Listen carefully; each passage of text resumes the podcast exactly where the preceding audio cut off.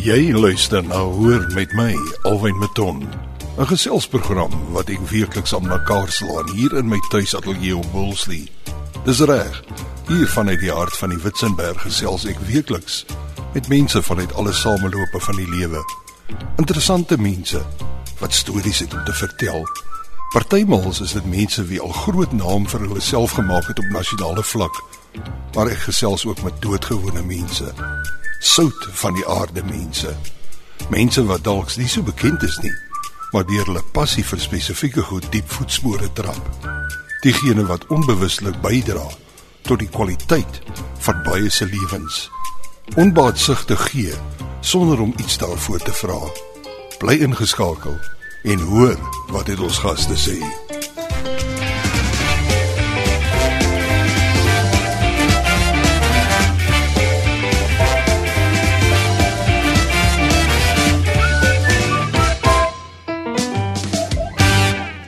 My naam is Alwyn Meton en jy luister na 'n hore program wat ek vir jou aanbring hier vanuit my tuisateljee aan die voet van die Witzenberg in Woolsley. Vanaand se lekker lange en ek gesels met 'n baie interessante man met die naam van Arthur Piercy. Hy was 'n vlieënier in die destydse Suid-Afrikaanse lugmag en ja, hy het 'n ongeluk gehad en hy is verlam in die proses. Maar nou ja, Arthur is 'n man wat nog uh, met al twee sy voete op die grond staan en hy lewe sy lewe voluit. Hier is al gesprek met Arthur. My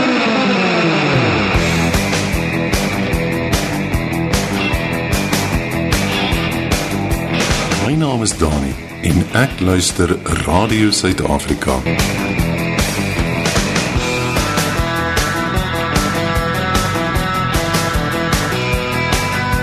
Jou 24/7 hardloop uit Afrika. Hallo Arthur, hoe gaan dit met jou? Goeienaand Alwyn, baie goed, dankie en dankie dat jy my geskakel het. Lekker, yes, ons gesels nou. Ons gaan 'n bietjie nou gechat. En soos ek vir jou nou gesê het, ons uh, jy weet hierdie program uh, is ek nie baie ge-worried oor tyd nie. Jy weet as ons 'n uur en 'n half vat, vat ons 'n uur en 'n half, solank ons net voor 2 ure voor ons net uh, as ons net voor 2 ure klaar maak, is dit goed. So ja, ja Arthur, yes, ek het jou raak geloop natuurlik deur uh, meisie met die naam van Vanessa Breitenberg. En uh, ja, sy het vir my gesê, want sy het vir my nou die dag gesê ek het vir gesê man, ek wil nie net met celebrities gesels nie en jy's eintlik half en half is jy seker 'n celebrity alhoewel jy jouself dalk nie so mag sien nie maar ehm um, nee glad nie. glad nie maar ek dink jy as die mense gaan hoor wie jy is en wat jy gedoen het gaan jy dalk as 'n celebrity gesien word. Deur party mense. Maar uh, wat ek wou gesê het is dat ek wil nie net met celebrities gesels nie. Ek wil gewoon met gewone mense ook gesels en mense soos jy wat uh, uit 'n hele ander hoek uit hoek uit gekom het en uh, verskriklike goeie ervarings gehad het en goed. Laat ons net by die begin begin. Waar kom Arthur oorspronklik vandaan? Arthur Pierce is oorspronklik in Rhodesia gebore of wat nou Zimbabwe is. Albei my ouers was Suid-Afrikaans. Ja. En hulle het uh, oorgetrek agter die werk aan daar in in Rhodesia. Ja. En dis toe ek daar gebore is. Maar hier by staan dit twee se kant, ehm um, hierdie ouers besluit dis nou tyd om terug te kom Suid-Afrika toe. So ek gee my ouderdom nou weg, maar dit is so in 1968 het ons nou teruggekom in Suid-Afrika toe. Okay, okay. In Pretoria. Ja. En uh hier in Pretoria het ek my hele skoolloopbaan gedoen. Jessie. Eerstens by ja, skus tog. Nee, jy kan gesels. O nee, eerstens by ehm um, Robotics Laerskool in Gesina in Pretoria. Ja. En toe van daar af is ek na Clapham High School toe in Queenswood. En dit was daar waar uh my liefde vir die vlieg ontwikkel het. My pa het my gevat Mhm. Mm een jaar toe ek staan dit 5 was ja, laaste jaar uh laerskool. ja. Na lugskou toe daar by Berg die ou Bergwanath lughawe. Dis reg Ek ja. dink deesdae ja, deesdae staan Nasrek op daai perseel. En ehm um, die laat die middag jy kon voel hier's iets aan die gang in die lug want niemand sê nie en uh, ons het nie 'n program gehad nie maar die volgende oomblik toe skiet hierdie mirage ding hier bo ons koppe laag en vinnig. Ja. Almal het geskrik. Die honde het geblaf, die babas het gehuil, die karre se alarms het afgegaan Ja. en uh die hare op my nek en arms het regop gestaan. Ek het so lekker gekry. Toe hierdie ding sy laaste toertjie doen en hy skiet so in die lug in en ek verloor sig van hom. Hy hy vlieg so hoog. Ja. Ek draai hom en ek sê vir my pa, "Da, dis wat ek wil doen as ek met die skool klaar is." En toe so, jy's ek het vir myself sommer hoe sê die uh oogklappe aangesit. Mm. En daar was nie 'n plan B nie. Hier is um, die author. As ek nie vleenieskursus geslaag het of 'n medies nie geslaag het nie of uh my skool nie ordentlik geslaag nie, dan weet ek nie wat ek vandag sou gedoen het nie want daar was nie 'n plan B nie. Ek wil nou net sê vir die vir die luisteraars, okay, Arthur het ons sommer baie vroeg in hierdie gesprek het hy nou die kat uit die sak uitgelaat. So ons weet nou Arthur is 'n vleienier. Maar ek gaan nou vir Arthur, ek gaan nou vir Arthur so 'n bietjie, ek gaan net amper soos 'n rugby, ek gaan die game bietjie stadiger maak. Ek gaan die balle so bietjie stadiger laat uitkom uit die uit die los uit en ons gaan hierdie gesprek so klein bietjie afdown laat ons uh, is, ons die ouens sal sê laat ons die spanningslyn so klein bietjie net daar hou. Arthur, yes, okay. Maar, maar maar voor jy, okay, jy jy was in in Zimbabwe of in die ou Rhodesia gewees 1981 of 80 het dit mos Zimbabwe geraak daar rond as ek reg onthou. Toe jy al Ja, 81 ja. Ja, toe jy al terug toe Robert Mugabe aan bewind gekom het daarso. Maar okay. Ja nee nee. Ja, maar jy het jy uit jou ouers was hulle Engels gewees want PC is nou nie eintlik jy se Afrikaanse van nie, is dit? Man, altyd my my my ouers is Engels uh, is Engels sprekend. Ja. Eers ek kom uit straks genoeg ek het nou onlangs die geleentheid gehad om my geskiedenis te gaan opsoek. Ja. En dit kom eintlik uit Engeland uit en in 19 of 89 eh, skuis tog het uh op 'n groetjie in die in die Kaap beland en hy stoor reg op na na Kimberley toe daar waar al die die diamante was op daai stadium. En uh snaaks genoeg uh dit lyk vir my van jongs af was ons bedoel om vir die mag te dien want my oupa was my opgegroei was blykbaar ook 'n polisieman op daai stadium geweest Yesie. So hy was hy was so 'n konstabel. Hy het natuurlik nog vir die ou, wat sê die Suid-Afrikaanse polisie, die SARPs of wat het ja. hulle genoem? Ja, die Suid-Afrikaanse Republikeinse polisie. Ja, service of diens of wat ook al. En toe het my ouers basies gesettel hierso aan die aan die aan die weste van uh, van die Transvaal destyds. Ja. In in Witbank Middelburg. Pa was 'n ambagsman, passer en draaier. Aha. En hy het sy hele uh loopbaan op die myne deurgebring. Ehm uh, en my oupa is Rhodesia toe agter die werk aan. En okay. toe hy daar kom toe sê vir my pa luister kom, hier's geld hierso om te maak. En toe het my pa pas met my ma getroud en jy weet my ma se van se nooits van was ook Harris. So sy was ook Engels. Sy was ook Engelse van en uh die tweeetjies is nou toe by mekaar en op Zimbabwe toe of Rhodesia toe en daar's ek nou gebore jaar nadat hulle daar aangekom het. So hulle is toe agter jou oupa aan is of uh, jou pa se pa. Hy is so intoe van ja. ja. En dit wys jou net nê nee, daai jare JC Arthur daar hier so praat. Daai jare was Rhodesia was 'n vooruitstrewende land gewees. Uh dit was definitief. Hulle was een van die grootste indien nie die grootste tabak uh, produsent in die wêreld en hulle het uh, sakke vol geld gehad as jy sou kan sê onder die leierskap van 'n ou soos Ian Smith en natuurlik ook die Britse regering. Ja. So hulle hulle hulle dit was 'n land van aansien gewees, jy weet as jy dit nou vandag vergelyk Zimbabwe. Ja, ek weet nie eintlik as wat kan 'n ou dit beskryf nie of dit 'n derde randse ja, die, land is of 'n republiek of wat ook al nie. Ja, jy kan basies sê was die broodblik van Afrika omtrent. Ja, Presies, presies. En Suid-Afrika ook. Ja. Suid-Afrika en Rhodesia ja. het sterk gestaan saam met Suidwes-Afrika en natuurlik toe die Portugese nog in Mosambiek was en in Angola het ons so alwe ja. so u ja aan die onderpunt aan die suidelike punt van Afrika gevorm en ons was 'n ekonomiese entiteit waarmee daar rekening moes gehou geword het. So okay, toe kom jy oh. terug en jy jy kom toe Pretoria toe. Toe is dit toe waar jy nou eintlik het jy daai tyd jy seker maar redelik Engels groot geword want hulle sê mos altyd 'n kind praat die voertaal van sy ma. Okay, wanneer die ma die ma sit mos in ons tyd gewoonlik maar deesdae gaan die kinders speel skool toe. jy weet vanaf 3 ja, of 4 maande. Daai tyd het jy mos groot geword. Jou ma het jou groot gemaak of jy het gewoonlik baie keer het jy het jy 'n bediende gehad of hulle het 'n bediende gehad en dat jy ook kon in baie van hierdie kinders wat saam met 'n bediende groot geword het, het natuurlik daai taal ook magtig geword. Maar jy het seker oorwegend Engels groot geword. Dit was oorwegend Engels ek ek lag altyd daaroor en my bietjie kwaad gemaak het ek in Rhodesia is as mm. maan pa wil skinder hoor my toe praat in Afrikaans en ek kan natuurlik nie 'n woord verstaan op daai stadium. Dis nou raak jy natuurlik 'n bietjie vies oor die storie. Ehm um, ons het ook nie 'n uh, vroulike huishulp daar gehad nie, dit was manlike huishulp.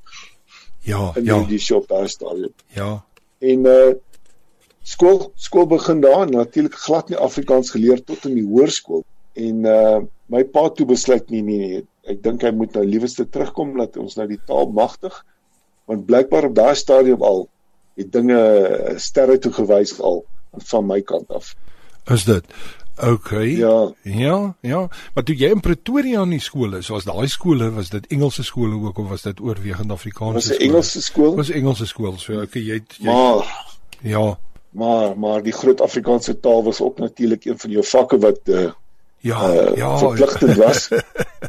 ja. Toch, die eerste jy weet ons was vier kwartaale op daai stadium gewees. Die heel eerste kwartaal het ek my oë uitgehel elke dag as ek by die huis kom want ek kan hierdie snaakse taal wat hierdie mense praat en verstaan nie. Ja. Die tweede kwartaal het kom bietjie uh, bemeester en die praat het was baie maklik. Ja, ja. Derde kwartaal wel ons het gearriveer na die eerste een. So dit was die tweede, die derde en die vierde kwartaal. Vierde kwartaal lees en skryf deurgekom op die einde van die jaar so ek was baie gelukkig en toe van daar af was glad nie meer 'n krisis. Ja, so toe begin dit lekker raak en ek kan hoor, jy weet, uh, ons uh, as as jy gesels, ek se glad nie sê jy het Engels groot geword nie, jou jou uitspraak en goed is 100% jy het glad nie 'n bietjie van 'n Engelse aksent nie of niks nie. Maar dit kom ook aan natuurlik met jare in die in die in die uh die lugmag en so aan. Okay, en toe Correct, ja. Nee, ek wil net sê jy weet, toe jy nou sê van die lugmag, van die lugmag se beleid op 'n stadium was ehm uh, een maand Engels, een maand Afrikaans. That's it. So, ja. As jy moet verslae skryf en dit is 'n Afrikaanse maand, dan moet jy daai verslae in Afrikaans skryf. As dit Engelse maand is, dan moet jy in Engels skryf. Ja. En so het ons die die taal baie goed onmagtig. Ja, ek was ek was 'n tyd terug was ek seker so 4, 5 jaar terug. My dogter getroud, toe bly ons 'n bietjie daar op Teenissen. En daar's 'n huis van Reyneveld. En daar's mos 'n JP van yes. Reyneveld wat 'n baie baie groot naam is in die Suid-Afrikaanse lugmag soos ek verstaan deur die jare maar hy blykbaar op teenoor in belang beland hy was op 'n kol deel van Pierre van Reyneveld wat die stigter is van die Suid-Afrikaanse lugmag. That's it Pierre van Reyneveld ja en daar's nou nog 'n huis ja. op teenoor dit was sy ampswoning of ja jy kan dit seker 'n ampsbewoning noem toe hy burgemeester was van teenoor En uh, nou deesdae is daar natuurlik 'n kroeg. Jy kan baie lekker eet daar baie lekker goedjies drink en so. Maar die Pier van Reyneveld name staan nog baie baie sterk daar. En toe ons al gebly het, het ek 'n bietjie gaan oplees oor die ou. Ja, dis reg ja ja. Hy was een van die wil ek amper sê van die van die vaders van die Suid-Afrikaanse lugmag gewees, ja.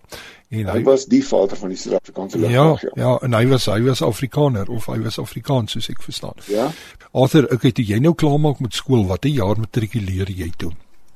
Ek het matriek in 1976 klaar gemaak. Ja. En op daai stadium weet jy jy het mos ehm um, jou diensplig, het jy 'n keuse gehad van of 9 of 18 of 24 maande. Ja, dis reg ja, ja, soos, ja. Ek het onmiddellik 24 maande gevra mm. want ek het geweet dit gaan my loopbaan wees in die toekoms of dit is wat ek graag wou gehad het. Ja. En ek het toe vir basiese opleiding opgeroep Januarie 1977 ek het onmiddellik aansoek gedoen vir vlieënies kursus maar ons het 'n bietjie van 'n krisis opgetel met 'n ID-nommer. In Rhodesia kan jy skool begin om 5 en 'n half die jaar waar jy in 6 word. So ek was 5 en 'n half toe ek skool begin het en natuurlik uh ek nou uit die skool uit is was ek maar 17 en 16 en 'n half 17 jaar oud ek matriek klaar maak. Jessie. En ons het nog nie al die boeke en al die nommers gehad op daai stadium nie. Mm -hmm. En hulle het die ADI nommer genodig vir die aansoek doen vir vlieënierskursus. Ja. Die jag my pa nou na binnelandse sake toe gaan kry vir my tydelike ADI nommer. Maar wat gebeur het is hulle het vir hom my Rhodesiese ADI nommer gegee. Aha. Uh -huh. En toe die nou op die aansoekvorm is, dis hulle nee nee, die man is 'n buitelander. Hy uh mag nie aansoek doen vir vlieënierskursus. En toe moes ons nou rondhol soos afkop hoenders om nou 'n Suid-Afrikaanse ID-nommer te kry om die ordentlike aansoek in te doen. Jessie. As gevolg daarvan het ek natuurlik die eerste kursus van die jaar gemis en toe natuurlik alles begin vir die tweede kursus van die van 1977. Toe begin jy ja. sien in Junie maand se kant rond. Ons het so uh, Junie maand al die toetse gedoen. Ehm um, en dit was ongelooflik want ek bedoel daar was 750 aansoeke daai jaar gewees vir die tweede kursus. Ja.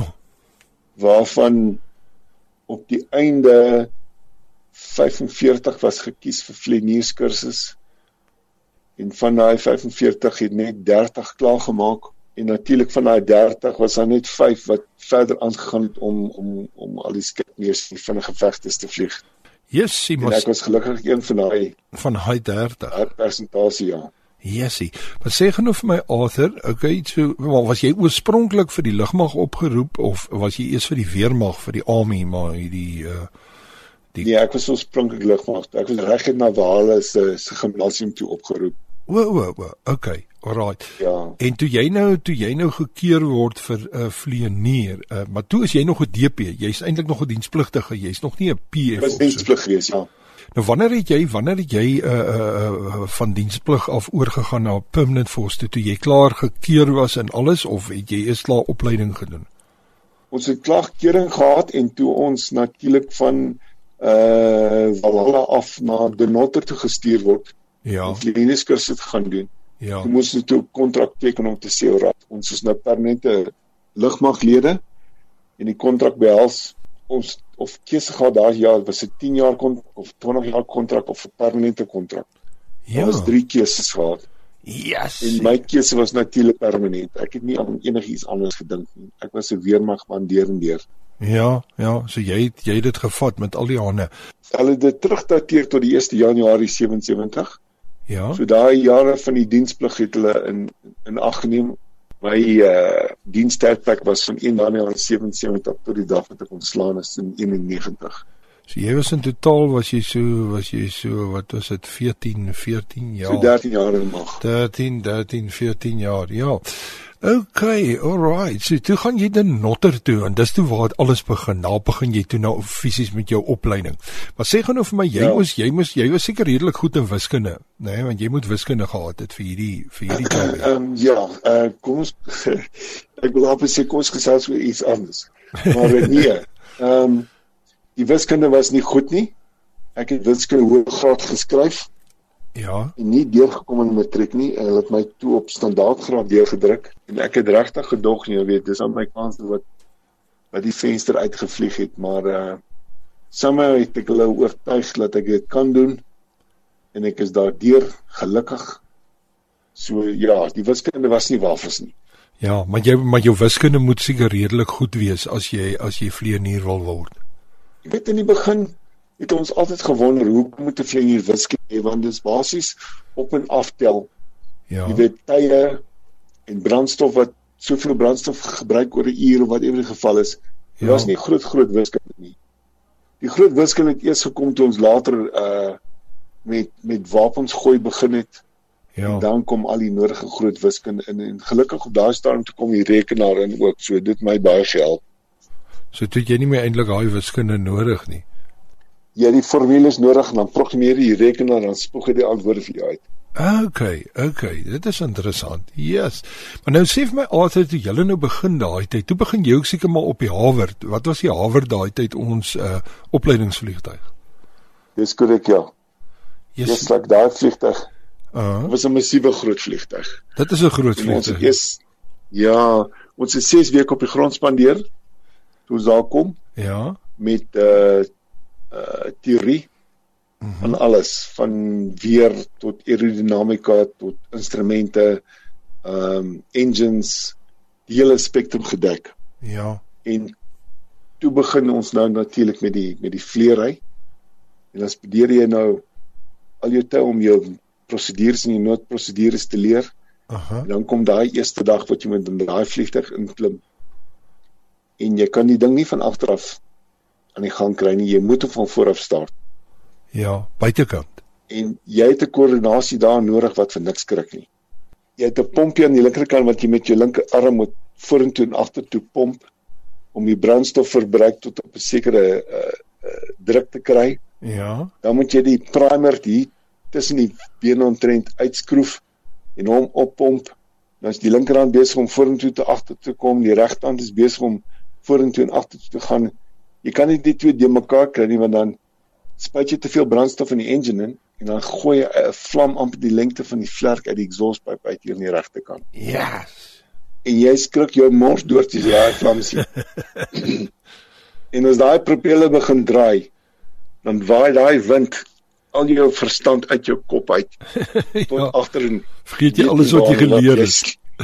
ja. Alles wat jy geleer het. Jy slaan net 'n blank onmiddellik as jy daai propeller sien beweeg, want jy kan nie glo jy het dit self aan die gang gekry nie. Ja, maar dan sit daar iemand binne in die vliegtuig wanneer jy dit doen. Ja, natuurlik die instrukteur sit agterin en hy's besig met jou te gesels. Ja. En uh maar die vliegtuig is, is amper soos 'n neutral nou. Hy gaan nêrens heen terwyl jy daar besig is om te oh, kar nie. Nee nee, ek sê vir jy, jy's jy's jou kop is in neutral en dan onmiddellik voel jy so ligte stampie agter op die kop. Ja. En dan weet jy, okay, het nou iets verkeerd gedoen en jy weet van voor af begin. Okay. Wat gebeur is die instrukteur hy haal sy stok agteruit die hy lê oor die oor die dashboard. Ja. Hy stok deur die ding en hy kap jou agter op die kop om te sê luister student, ja. het nou iets verkeerd gedoen. Ja. So elke keer as jy so ligte stamp op jou kop kry, dan moet jy weet, okay, ek het iewers verkeerd gedoen en moet weer van voor af begin. Okay, maar alright. Jy het nou jy het die vliegtuig gestaar, dan sit die instrukteur as ek daai goed kan reg onthou, ek probeer nou visualiseer 'n prentjie van 'n hawe. Hy staan mos nou half met sy gat uh, hy staan mos nou half asof hy op terrane staan. Eintlik mos met sy gat. Dis korrek, ja, hy's mos so daai ou sterk wielietjie ja. Ja, daai ou wat wat jou instrukteur is, hy sit agter jou. So hy sit Correct. hy sit met sy kop op daai stadium kyk hy na die ster toe. As ek reg as ek dit sê of kyk hy Dis reg ja. Hy kyk na die ster toe. Okay, jy staan buitekant die vliegtuig, jy pomp uh, die brandstof en al daai goed en dan krank jy daai vliegtuig, jy vat die prop en jy draai hom. Is dit wat jy doen? Nee nee, hy het elektriese startmotor. Wat jy elektrische... nou met jou voet op druk. O, okay. En dan vat daai. Ja, so dan druk jy hom met jou voet aan die die, die aan die aan die starter. Mm. aan die aan die starterknopie en dan draai hy engine. Ja. En dan gewoonlik dan kom 'n een of twee bolle rook uit die exhaustpipe uit en dan skielik vat hy vlam. Letterlik en figuurlik as hom te veel gepraai het. Ja, ja. En uh jy sal sien 'n student wat baie sukkel. Aha. As hy by die huis kom na sy vlug, is die hele regterkant van sy vliegtuig spierwit. en wat daar gebeur het is die die grondbemanning staan met 'n 'n brandblusser. Ja. Van hierdie hierdie poeier brandblussers. Ja, ja, ja. En as daai vlam te groot raak, dan spuit hy daai vlam dood met hierdie wit poeier. Ja, chemiese poeier, ja. So, jy kan onmiddellik sien wat sy student gesukkel met met met, met die met die staat van die vliegtuig. As die vliegtuig so 'n bietjie witterig is. Maar kyk, ja. hulle was mos gewoonlik. Landing se neus is groot, jy kan nie voor jou sien nie. sien taxi uit na die ander baan toe. Uh -huh. Lyk of die vlieg nie dronk is want hy hy swaai van links na regs, na links na regs. Ja. Want jy moet nou eers kyk waar gaan jy ry? Ja. Nou draai jy regs. Ja. Kyk jy die linkerkant van die kajuit uit maak jy seker alles is daar skoon en draai jy links en so gaan jy aan tot by die ander baan. Ja, want jy sit, jy sit, jy kyk eintlik op in die lug in wat ek meen jy moet langs die vliegtuig langs die ja. vlerke ja. afkyk. Dit ja, ek het nog nooit so daaraan gedink nou dat jy dit noem altyd. Ek het nog nooit so daaraan gedink jy ek het mos obviously nog nie half het gevlieg nie of enige vliegtuig for that matter nie. Maar ek het nou nog nie so gedink aan nie. Dit is dit is baie moeilik ja. Dis nie soos 'n ou wat in 'n Boeing sit en jy kan sien die vliegtuig staan gelyk en ja, ja hier ry ons nou vorentoe soos om met 'n kar te ry nie. Ja. Okay, so dis baie moeilik. Nou sê vir my daai daai hawets, as ek dit reg kan onthou want ek was ek is 'n baie groot uh, vliegentoesias. Ek gaan ook altyd na lugskoue toe. Ek was baie lanklaas by ene, maar uh, daai hawets oorwegend is mos maar seil. Is dit oor daai daai fuselage? Nee, nee, hy's hy's alles uit metaal uitgemaak. Is hy uit metaal uitgemaak? Okay. Ja, uh, aluminium alloy. Dis dieselfde as gevolg van die tekorte in die oorlog daai tyd. Ja, ja. Ehm um, Hulle het dieselfde aluminium gebruik wat hulle vir die blikkies bullybeef gebruik. O, oh, okay. En dis hoekom die Harvard se se bynaam wat almal van noem hulle plat van die spam can. O, oh, die spam can. Die spam, ja S P A M. Want spam is nou eintlik die Amerikaanse weergawe van bullybeef. Ah, oh, spam can. My yes. So die spam can, ja, want dis dis die die staal wat hulle gebruik het om daai vliegtuig aan die gang uh, te te bou. Ja. So was ja. alles metaal, daar was nie seil eintlik op nie. Maar was daar nie van daai haverts wat met seil wat met seil gedoen was nie? Nooit nie. Man, die start sover ek kan onthou, uh was seil gewees. Maar die res van die vliegtuig was alles aluminium. Ja, jy praat van die vlerke en daai tipe van goed ja en so. Ek praat van die elevators heel Hmm, af. ek mag dit dalk moontlik verwar met 'n ander vooroorlogse vliegtuig wat Die Tiger. Moth, die een voor die hawe, alles hy hy was alles seil. Dis reg ja. Daai dubbelvleg vliegtuig ja. Ja, ja, ja, daai biplanes ja, hulle was dinges. Okay, en dan as jy net maar hierdie ding het 'n redelike kragtige engine in gehad net. Daai ding het 'n mooi klank gehad net. Klink so 'n V8, maar dit is nou nie 'n V8 gewees nie. Wat was daai tipe van 'n 6-silinder of wat wat uh, 9 9 silinder Rydell engine, 9-silinder? Yes. 9 9 silinders ja. Ja. En as ek onder korreksie praat, 500 en- 550 horsepower, 550 horsepower ja. Ja, Daai groot engine. En dit was baie dors. was hy dors? Ja, die die die engine was dors met die petrol. Ja, Yes, so jy kon nie so ver gevlieg het nie. Wat wat is die verste wat ja jy met was so nie baie vlieg? petrol nie so. Ja, uur uur en 'n half en dan moet jy terug wees by die basis. Ja, ja. So hy Afhangende wat jy doen natuurlik. Ja, ja. As jy eintlik nou baie klim en jy weet val en rolle doen en Ja. daai goed is dan is hy seker nog swaarder op petrol. Weereens as jy die krag vat om op te styg, Ja, jy kan nie die ander baan vir jou sien nie.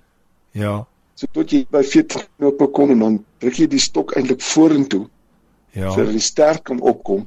ja. En eers dan kan jy sien wat aan die gang is. En dan kan jy as jy daai stert optel, dan kan jy dalk al daar wees waar jy eintlik moes opgestyg het. Jy gaan nie weet nie.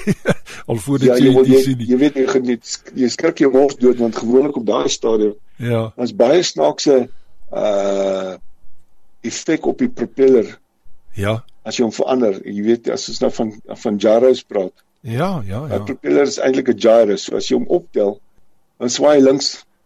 Dan wil hy van die ander baan afjaag. Dan moet jy hom gou vang met die rigtingsroer. En oeg, ek sê vir julle was hande en voete wat vir niks skrik die hele tyd. En dan moet jy hom dan moet jy hom soort van korrek om hom reguit te hou, daai tipe van ding anders gaan hy skyn. Jy trap hom amper soos 'n bicycle om hom reg te hou op die Yes. op die ander baan. Maar jy sê hy daai ding so stadig as wat hy lyk want vir 'n ou wat buitekant staan lyk hy goed maar redelik stadig, jy weet, as jy nou vernaam as jy na die klank gaan, jy weet. Dis baie soos van hierdie dan hier maar hierdie manne op Woolsley se karre ook, jy weet, dit die geraas klink Ja, vreeslik, ja. maar die kar beweeg nie baie vinnig nie. maar daai wat jy so jy praat van kom ons ek gaan net hierdie reg kry. Verskoon my vir hierdie vraag. Knope. Hoe vinnig is 'n knoop? As jy nou sê 'n knoop, is dit dieselfde knoop as wat jy op die water kry of is dit maar min of meer? hulle is dieselfde because is nautical miles. Ja. So dit kom eintlik van van die van die die die skepe af Mhm. van die van die uh, the navy environment, Ja, so sê die Engelsman. ja. Uh 'n knoop min of meer ek dink die conversion is 1.87 kilos. Dis een 1.8 knoop. So sê maar amper 2. op 2 kg. So 40 knope so So 80 elke- km per uur. Ja, So net so onder die 80 kg se uur ja. ja, Wat jy ja. dan nou daai stert optel en dan 70 75 dan begin daai ding in die lug klim Ja, ja. en jy klim uit teen 90 knope so ietsie ja. 90 knope, dan praat ons al so Knope, 180 km per uur. 180 kg se uur ja. Ja. En dit lyk nie so vinnig van buite af nie. Nee, dit lyk nie Maar so ja. vinnig, ja. Jy jy stap aan ja. Ja, en dan dan klim jy nou nog in so aan. Maar sê nou as jy wat wat is daai vliegtuig se topspoed daai hawe as jy nou byvoorbeeld so in 'n soort van 'n valbeweging in gaan, jy weet jy gaan nou af. Hoe kry jy dan um, ons praat hier van hier by die 250 knope. 250 knope? Jesus, dis Ja, so dis amper 500 kg se uur. Jesus, dis vinnig, ja. Dis wanneer jy nou toertjies begin doen. Mm, mm, Ehm um, gebruik jy gewoonlik daai spoed. ja. Dis vir die vir die vir die lus of die loop soos die Engelsman sê en die reguit rolle en Ja. al daai ander goed. Ja. Uh moet jy daai spoed nou kry. O, hierso skielik 335 km se uur is die toppunt van die of die die maksimum spoed van die vliegtuig. Ja, ja. Jessie.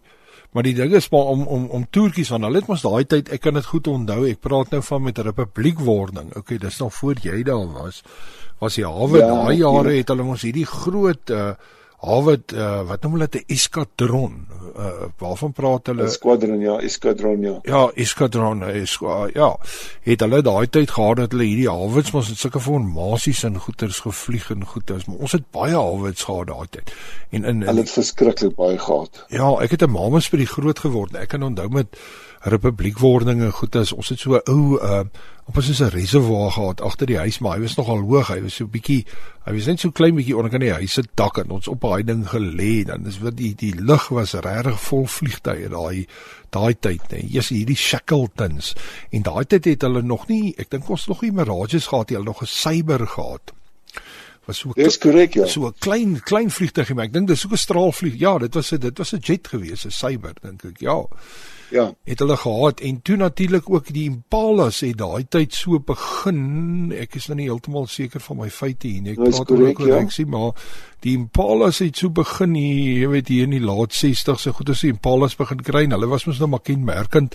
Hulle het mos op die punte van hulle vlerke het hulle mos daai tipe van ek weet nie wat noem jy dit, amper like op 'n ballast of iets gehad uh, uh, so 'n tipe van 'n uh, blyk amper soos 'n kapsule op die punte van die vlerke as ek reg as ek dit sê. Ek kan dit onthou van die van die Impalas. Ja, dit's sulke uh die met die brandstoftanks op die punt van die vlerke. Is dit 'n brandstoftank daar gewees, daai klein goedjies? Dis brandstoftanks ja. O, okay. Maar anyway, want nou deesdae sien jy mos nou van die vliegtye sit hulle mos op die punte van die vlerke maak hulle mos daai buiging op want hulle sê dit verander die die lugvloei oor die vlerke. Jy kry nie so 'n tipe van 'n vortex wat jy weet uit Ja, dinge is die ja, dit sien jy mos nou. Maar dit was nou nog voor die voor die Mirages gewees. En in die 70's het ons hier het ons die Mirages begin sien. Ek het my Arthur luister gou net. Ons gaan nou nog verder gesels net. Kom ons maak gou 'n breekie. Soos ek vir jou vroeër gesê het, ons speel sommer gewoonlik speel ek sommer vir die luisteraars net so 'n sang tussen hulle dat die ou net vir my koppie tee kan gaan maak of vir dalk 'n glas wyn gooi of wat ook al. Is daar enige spesifieke sang wat ek vir jou kan speel vanaand?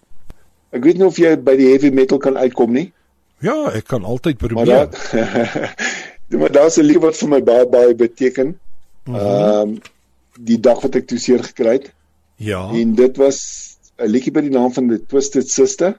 Ja, ja. Dis is die orkes se naam. Ek ken die liedjie se naam is We're Not Gonna Take It. We're Not Gonna Take It. Ja, Twisted Sister, nee, ek het hom definitief. Nou kom ons doen daai Kom ons doen daai ene vir jou. Ja. Vir Arthur PC so Twisted Sister, We're Not Gonna Take It.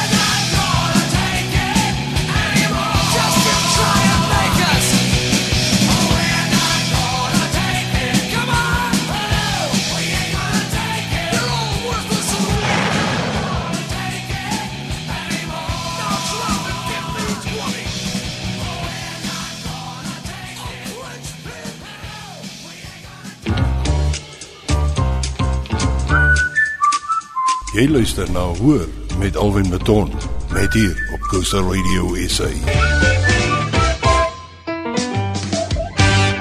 My naam is Alwin Maton en saam met my die man met wie ek vanaand gesels, baie interessante uh kerel. Hy kom al die pad daar uit uh Johannesburg se omgewing Pretoria. Al die jare in die lugmag gewees vir meer as 13 jaar. Sy naam is Arthur Piercy. Ons gesels 'n bietjie oor sy dae in die lugmag as 'n vlieënier en uiteindelik ook as 'n Mirage vlieënier. Nou ja, Arthur, daai nou is 'n lekker ene gewees. Hy vat my 'n klompie jare terug toe dit sister, we not gonna take it. Maar ons gaan natuurlik later 'n bietjie kyk toe jy sê toe hierdie sang vir jou iets werklik beteken het. Maar ons was nou nog gewees daar op 'n notter toe jy die ou Hawits gevlieg het. Hoe lank vat so 'n kursus voordat jy nou so 'n soort van wil ek amper sê jy het ook seker uitgepasseer of iets, né? Nee? Wel, die die hele kursus op op op uh, Harvard self was uh tussen 4 en 5 maande gewees. Ja. En waarvan ons moet uh 'n minimum van omtrent 120 uur in daai tydperk vlieg. Waarvan die eerste 16 uur is jy nou besig om voor te berei vir jou eerste alleenvlug. Ja. En dit was nou ook 'n storie aan die ander kant want elke keer as jy nou uitgaan met jou instrukteur en dan kom jy terug en dan sodra jy geland het, dan begin die man uh en ek sê dit met respek, te gil hier van die agterste sitplek af van al die goedjies wat jy nou vergeet gedoen het. Ja, ja. En uh die hele pad huis toe van waar jy geland het tot waar jy die vliegtuig laat uh gaan staan het, as jy nou besig om vir jou of 'n uittrap te gee of jy te verduidelik waar jy verkeerd gedoen het of wat jy nie reg gedoen het nie en uh, as dit baie erg is dan word jy gestraf. Jy moet of langs die vliegtuig hardloop met jou valskerm onder jou arm of jy moet 'n roete gaan hardloop en dan sê jy gaan na die na die die die boks toe daar in die hoek en kom terug en dan verdel tel jy vir my wat jy verkeerd gedoen het. Ja. So nou moet jy gaan dink, wat het ek nou weer verkeerd gedoen terwyl jy nou besig is om daai stapie te hardloop? Ja. Om terug te kom en dan sê vir hom, "Oké, okay, ek dink ek het X Y en Z verkeerd gedoen en hy sê nee nee dis nie waaroor ek gepraat het nie. Gaan terug soontoe kom weer en vertel my weer en so moet jy nou aan 'n hardloop ah, tot jy by die regte tot jy by die regte uh, probleem uitkom wat jy nou in sy oë uh, lelik verkeerd gedoen het. Ja. So ons was maar relatief fiks op daai stadium ook gewees. Ja, ja, ek ken natuurlik glad nie van daai nie. Ek is nie weer maar ons moes gehardloop het om blaartjies van bome wat so 3 ja, km ver staan te gaan haal, sulke tipe goed ook. Ja, elke keer as jy terugkom het jy die verkeerde blaartjie nie. Ja, dat jy jy absoluut die verkeerde blaar, jy weet nou, as ons nou nie ja, baie blare op 'n boom het. so Okay, maar toe uh, jy sê 5 maande en dan passeer jy uit. As jy nou as jy op op op spek is of op standaard is en jy's 'n redelike goeie student, dan vat jy 5 maande op die hawe en dan passeer jy Correct, uit ja. daai eerste solo vlug. Hoe het jou solo vlug afgeloop? Ja, dit is nou iets wat 'n mens sukkel om te beskryf. Want ja. um, soos ek sê, jy doen jou jou uh, voorbereiding daarvoor en dan kom jy op 'n punt dan sê die instrukteur, "Alright, ons gaan nou 'n uh, 'n toetsinstrukteur agterin sit." Ja. En die toetsinstrukteur sê, "Alright, fine, wat jy gaan nou doen, jy gaan 'n nou bietjie paar kringvlugte en landings doen wat jy kan net sien hoe veilig is jy uh, met die landing van die vliegtyg." Ja en dan sê alraai taxi terug na die begin van die handleebaan toe. Aha. Dan klim hy uit. Maak hy die boot van die van die hawe oop en haal so wind uh, so rooi uh windsock, windkous. Ja, ja. En dan maak dit op die klein wielietjie agter vas. Ja. Want nou sleep jy hierdie wind hierdie rooi windkous hier agter jou vliegtuig aan en dis om al die ander mense in die omgewing te sê luister pel, hier's iemand wat losgelaat is in die lug stoksel alleen. Bly weg. Pas op vir. Bly weg van die mafia. Ja. En al wat jy doen is jy styg op. Jy vlieg een kringvlug, jy kom land en that's it. So dis letterlik 15 minute se vlieg, jou eerste uh, vlug. Ja, ja. Maar die grootste skok wat ek gekry het daar is ek het mos voorheen gesê elke keer as jy nou klaar geland het, dan skree gil hier instrukteur van agteraf. Op hierdie eerste alleenvlug dan land jy Jy draai van die ander baan af, jy doen al jou toetse. Ja. Daai radio in jou ore is doodstil. Ja. Jy draai eintlik om om seker te maak daar's nie 'n instrukteur agter in die vliegtuig nie. Ja. En dan kom jy nou eers agter die wel Ek het dit nou uiteindelik self gedoen. My magies. En dan sien jy eers trots op jouself want jy weet dis, dis 'n groot mylpaal in enige iemand se se lewe is daai eerste alleen vlug. Ja, ja. Nou hoe dit gewerk daai tyd as jy nou uitgepasseer het. Nou nou kry jy jou wings. Jy kry nou seker soos iets wat jy nou op jou oorpak het, uh, daai Ja, maar flap okay, ons of wat moet jy in die rede val daar. Jy kry nie jou wings as jy klaar Harvard gedoen het nie. O, o, o, o, so jy kry glad nie vir die Harvards eintlik erkenning nie. Harvards is soos om die Ja, Harvard is soos eerste jaar universiteit omtrent. O. Okay, okay. En ja. uh wat jy dan gebeur het met ons is ons is van Denotter af uh Langebaan weg toe gestuur aan die Weskus by Saldanha Ek ken hom baie goed, ja. en daar het ons ons Impala kursus gedoen ook. En na die Impala kursus dan kry jy eers jou vlekkies met jou uitpasseringsberaders en al daai. Is dit nou in jou tweede jaar? Dan doen jy die Impala. Wel, 5 maande is die eerste kursus en die tweede kursus is omtrent Dit is omtrent 'n jaar in totaal vir al twee. Dis nou ja. Okay, dan dan is jy omtrent so 'n jaar en 'n half in die lugmag. Jy het jou uh of of jy nie, dan is jy amper 2 jaar al want jy kry mos erkenning vir daai eerste paar maande totdat jy nou daar uitkom. Uh Dus by die in by die Notter, dan het jy ja, as jy net so onderkant die 2 jaar daar in daai omgewing seker, nê. Nee. Dan is jy klaar dan jy moet dan het jy jou wings. korrek ja, maar dan is jy nog nog steeds rou en onnosel. Al wat jy kan doen is basies bietjie kunsvlugte doen en bietjie in die nag vlieg en jy weet en dan begin nou eers jou jou jou uh hoe sê jy Engels maar your specializing. Ja. Ehm um, want dis nou jy jou vleuels gekry het, daar word jy nou weer uitgepos, gaan jy na helikopters vlieg, gaan jy transport vlieg, gaan jy maritime vlieg of gaan jy vegters toe of whatever die geval is. Ja. Dis waar hulle nou die die manne skei. Okay, so daar die so almal die ouens hoekom ek nou vra is want uh 'n vriend van ons is so 'n klompie jare, as ek dink so 2, 3 jaar terug as hy oorlede bees, uh wat was sy van en tog nou ek staan dink nou net wat sy van is. Hy was 'n baie bekende uh helikopter uh loods gewees vir baie baie jare het vir die lugmag. Hy was natuurlik in die lugmag en toe was hy in die polisie en Sy van kanker oorlede. Nee nee nee nee, hulle het ge- hulle het geval gedurende een van hierdie brande so 'n jaar of 2 jaar terug. Het hulle geval met want dit was baie baie winderige kondisies en met die hitte, jy weet van die brande Ja, wat, ja, ja, ja, ja. en toe toe val nie die naam onthou nie. toe val hulle sy, hulle het vir hom gesê bees, uh bees somebody, maar hy is baie jare. Hy het die laaste tyd Korrek, ja. het hy het hy private vlugte gedoen vir hele paar bekende ouens wat hulle eie helikopters het en dan het hy ook vir die polisie nog gevlieg en so. Maar uh so al daai ouens is deur dieselfde kursus tot en met by die die die Impala.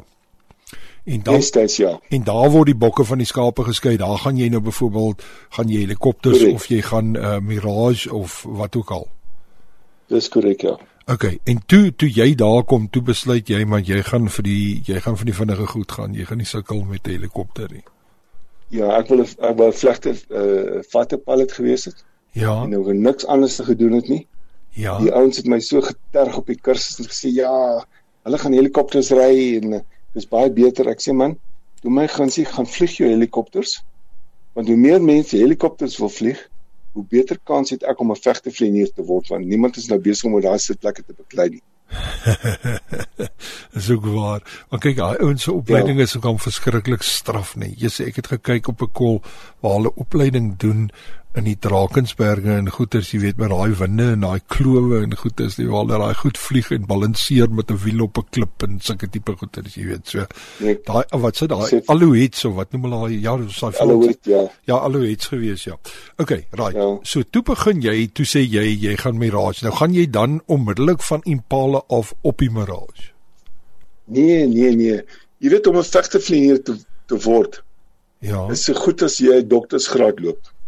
Vragtig. My 7 jaar gevat om by by Mirages uit te kom waar ek wou gewees het. 7 jaar om daar uit te kom. 7 jaar. Jy klim nie net sommer in die ding en daar gat jy nie. Ehm um, nou dat jy nou klaar met jou uh vlieënierskursus was, het ons gou-gou deur die Lugmag College gedraf om 'n uh, offisier offisierskursus te doen sodat jy 'n uh, gekwalifiseerde offisier is ook. Ja, wat doen jy Dan nou- Kaptein, luitenant of wat ook al? Jy begin by luitenant ja en dan moet jy Hmm. jouself natuurlik vir die res van die tyd opwerk. Ja. Maar ehm um, daarna is jy nou uitgestuur na ehm uh, dit was destyds op uh, lugmagbasis Pietersburg gewees. Ja. En jy nou 'n uh, aanpassingskursus doen op die enkelste plek in Pale. OK, die enkelste plek waar die bomme en die en die kanonne kan skiet en al die ander stories. Ja, so hy's 'n enkelste plek. Die ander een is ook 'n is ook 'n is ook 'n dubbel So dubbel plek, ja. Ja. OK, so toe gaan jy daarvan af jy doen toe offisierskursusse goed en toe gaan jy op die offisierskursus. Ja. ja. Toe gaan jy op die enkel. Ons na Pietersburg toe vir 6 maande om daai kursus daar te doen. Ja. En dan is jy uitgepos na een van die van die eskaders okay. oor die land is wat Impalas mee vlieg. Ja. En daar staan met ons vier eskaders was op Lanseria gewees. Ja. Vyf eskaders was onder in Durban gewees. Ses eskaders was op PE gewees, sewe eskaders in Kaapstad en agt eskaders was op Bloemfontein gewees. Ja, ja.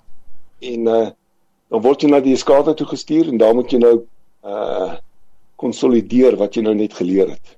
Okay. En hulle het 'n leerprogram vir jou terwyl jy daar is ook. So elke dag wat jy gaan vlieg. Dis nie net inklim en gaan rondjaag nie. Ja. Dit is 'n spesifieke taak wat jy moet doen volgens die syllabus. Okay, okay. En daai instrukteurs is die hele tyd daar om te moniteer en daai tipe van goed. Of hulle ry agterin of hulle ry langs aan met daai vliegtuig saam met jou. Ja, ja. Other sê dan meeste van die geval is dit lig tot grond uh, oefeninge om te uh jouself voor te berei vir uh, kanonne, vuurpyle, bomme wat eerder geval is om sekere teikens op die grond raak te skiet. Twee keer 'n jaar gaan jy na een van die die groot bombane toe. Dit een was in Pietersburg gewees, net noord van Pietersburg en die ander een was op Bloemfontein. Ja. Waar jy nou basies lewende lewende gerondes kan skiet. Okay. Op teikens. Om oh. jouself nou uh, skerp te maak vir die vir die oorlog so te sê. Ja, dis nou die Impala nou wat wat se wat se ammunisie het daai ding gebruik? Wat se wat se tipe uh jy weet. Hy het dermal kanonne gehad. Ja. Uh die die die enkelste plekke. Ja. En dan kan hy 4 ek dink 6 250 kg bomme dra. Ja. Of jy kan 4 by 6 of 8 vuurpyle uh 68 mm vuurpyle uh, dra en dit skiet. Yes. Ehm um, en dan natuurlik 'n kombinasie daarvan afhangende van wat die teiken is in die toekoms. Ja, so jy kon redelik. Sagte teikens is harde teikens is dit. Ja. Mense is dit voertuie et cetera et cetera. Maar jy sê daai alles gebeur oor 7 jaar. Gaan jy, dis amper soos hoe sê hulle daai 7 year each Ja, dit gaan soos Correct, ja. dit gaan soos oor 7 jaar wat jy hierdie offisierskursus uh se doen waar jy jouself beter bekwam jou rang uh uh, uh bevordering kry op jou rang en dan na 7 ja. jaar na jy hierdie enkel sitplek Impala gedoen het en al hierdie opleiding uh gedoen het, dan eers kom jy by 'n Mirage uit. Ja. Ja, nou, bedoel, deur jou deur daai loopbaan van die Impalas moet jy natuurlik jou vlugleierskursus doen Ja. Dit dan gee jou die die reg om 'n formasie te lei. Ja. Of met een of met drie ander vliegtye. En uh daar word jy nou geleer wat gebeur as een van jou mense afgeskiet raak of verdwyn of wat ewe geval is jy sekere prosedures wat jy moet doen. Uh. Ehm uh. um, jou navigasie vermoëns word verskriklik skerp gemaak dat jy op 'n uh, 'n padkaart en 'n en 'n kompas en 'n stophorlosie ja. enigiets kan kry wat jy na soek. Roggies. Ehm um, ons het selfs foto uh foto uh, kameras op die vlerke gehad met die Impala. Ja. Dan geneem jy foto's van sekere teikens dan kom jy huis en sê wat daar, dis wat jy moet gaan skiet as jy weer uitgaan. Aha. Dan doen jy die connaissance baie so. tyd om baie tyd om om jou jou regtig op op op op standaard te kry. Ja. En ja. eers dan as hulle besluit okay, jy's nou goed genoeg en jy jou jouself bewys, dan word jy genomineer om op uh, Mirage kursus te gaan. Ja. En en in in daai tyd wat jy wat jy daai Impala kursusse doen voordat jy by die Mirage uitkom, jy jy doen al daai oefening, maar jy's nooit operasioneel waar jy deel is van van die oorlogbasis. Nee, jy is jy is, is operasioneel as as 'n Impala as 'n Impala pilot. As 'n Impala pilot, ons was grens toe gestuur Ja. Uh op ge, gereelde basis in daai 7 jaar wat ons daar was. Ja. Eers as 'n uh, as 'n wingman so te sê. Ja. Want jy het nog nie die ervaring nie en dan vlieg jy met iemand wat meer ervare is. Ja. En dan word jy grens toe gestuur vir 'n maand op 'n slag. Dan kom jy weer huis toe en dan miskien later in die jaar gaan jy weer op. Ja. Afhangende van wat die wat hulle nodig het daarbo. Ja, ja. So ons het die oorlog reguit beklei van dag 1 af van okay. al die skaders af. Jessie.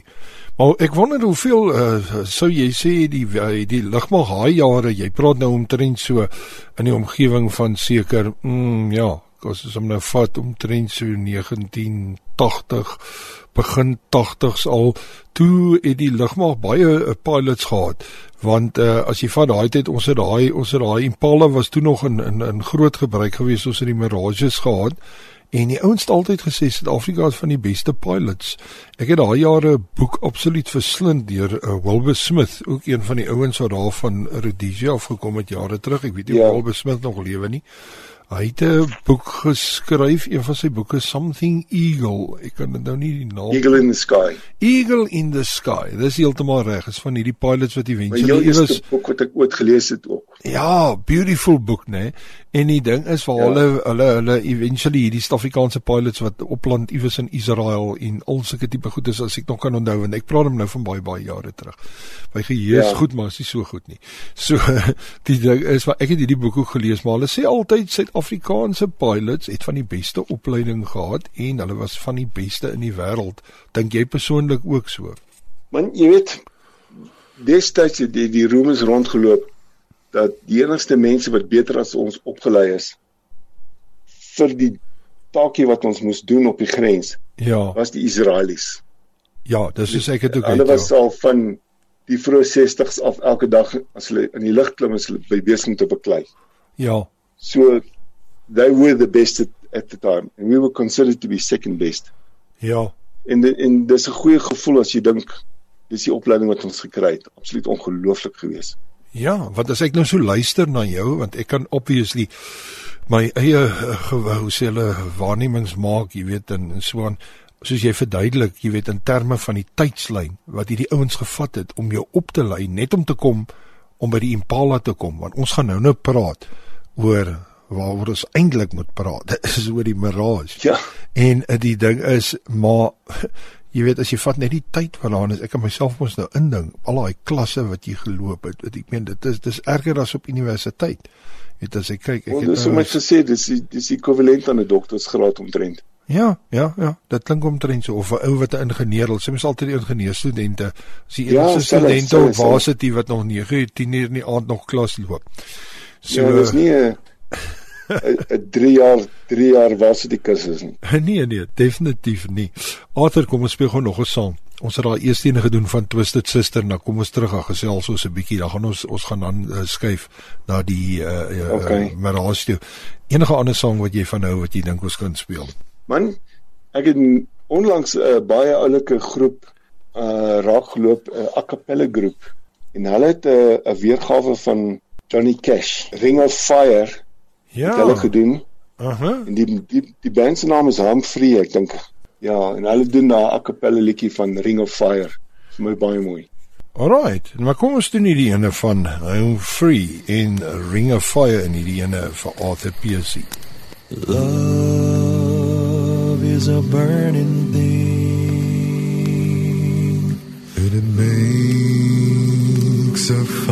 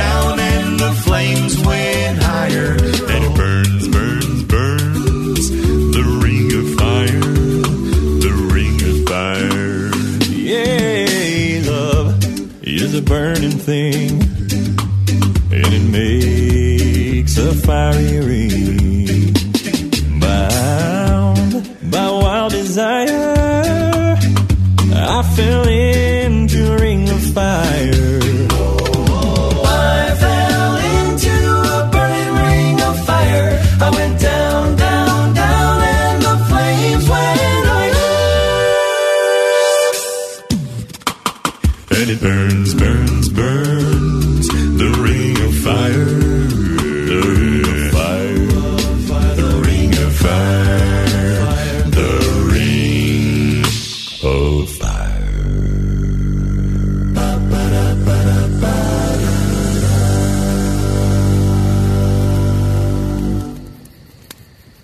Jy's ingeskakel by Hoor. Ons sien my naam Alwyn Maton en ek gesels bietjie met Arthur Percy oor sy dae as vlieënier en spesifiek in die lugmag. Daai ene wat ons daarna geluister het, is natuurlik Home Free met hulle weergawe van Ring of Fire. Okay Arthur, ons is nou al daar verby die Impala opleiding en dit klink vir my asof jy die mees fantastiese opleiding gehad het in die Suid-Afrikaanse lugmag. Maar voor ons nou gaan daar na die daar na jou uh, Mirage opleiding toe. Dink jy vandag ons lugmag het ons enige vermoë nog in terme van opleiding en hierdie goed uh, want 'n mens sien nie meer vliegtye vlieg nie. So dit is hoekom ek maar eintlik vra. Ja, dis 'n dis 'n baie goeie vraag en ehm um, 'n mens moet maar seker diplomaties antwoord gee want tye het verskriklik verander. Ons Ja. is nou nie meer betrokke in 'n in 'n oorlog nie.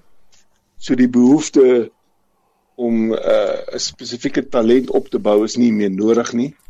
Uh ons het nie vyande om ons nie of streng gesproke nie. En uh die kundigheid wat ek kan sien is is uit die mag uit of meeste daarvan. So ek dink hulle sukkel 'n bietjie. Maar ehm uh, met die wat ons het en die vlieëniers wat ons tans het wat al hierdie nuutste vegters rondvlieg, Ja. is regtig op standaard. So ek glo nie hulle hulle opleiding het het het uh it didn't go backwards. Het okay. nie agteruit gegaan nie. So Want hulle geleenthede wat ons glad nie gehad het, het hulle nou okay. om met die United Nations en met die met die ehm um, die Engelse en die Amerikaners teen hulle vliegtye hulle self te toets maar ons nie daai geleentheid gehad het nie so jy Ja. kan nie nou eintlik appels en appels uh, vergelyk op die oomblik nie Okay. Alright. So wil, wil, wil jy amper sê hulle is beter as wat uh die ouens was 20 jaar terug. Soos ek sê, you know, you're trying to compare apples and oranges here. O. Um hulle die tegnologie is baie beter. ja. Make no mistake about that. Hierdie nuwe Griffins wat hulle rondvlieg is absoluut ongelooflike elektroniese platform uh om enigiets te kan doen. Ek persoonlik ken nie baie daarvan nie, maar ek het al met van die vlieëniers gesels. Ja. Ehm um, hulle oefen nie meer net teen hulle self nie, jy weet, hulle oefen nou teen al die ander mense in ander tipe vliegtye Ja. wat hulle bietjie meer dalk van 'n van 'n 'n 'n voordeel gee. Mm. Maar jy weet is omtrent dieselfde om te sê hoe het die Mirage opleiding in vergelyking met die manne wat in die in die Tweede Wêreldoorlog beklei het. Dit is totaal ander tipe vlieg en 'n ander scenario so. Ek wil nou nie sê die ouens is beter nie, maar ook nie sê hulle is slegter nie. Ja. Ja, nee nee, ek hoor wat jy is eintlik 'n onregverdige vraag wat jy wil wat ek jou gevra het, maar jy het dit baie baie goed hanteer. So, luister, wat ek vir jou wil vra is, okay, uh, uh, die Mirages wat ons gebruik het, is ek reg as ek sê dit was 'n Franse vliegtuig.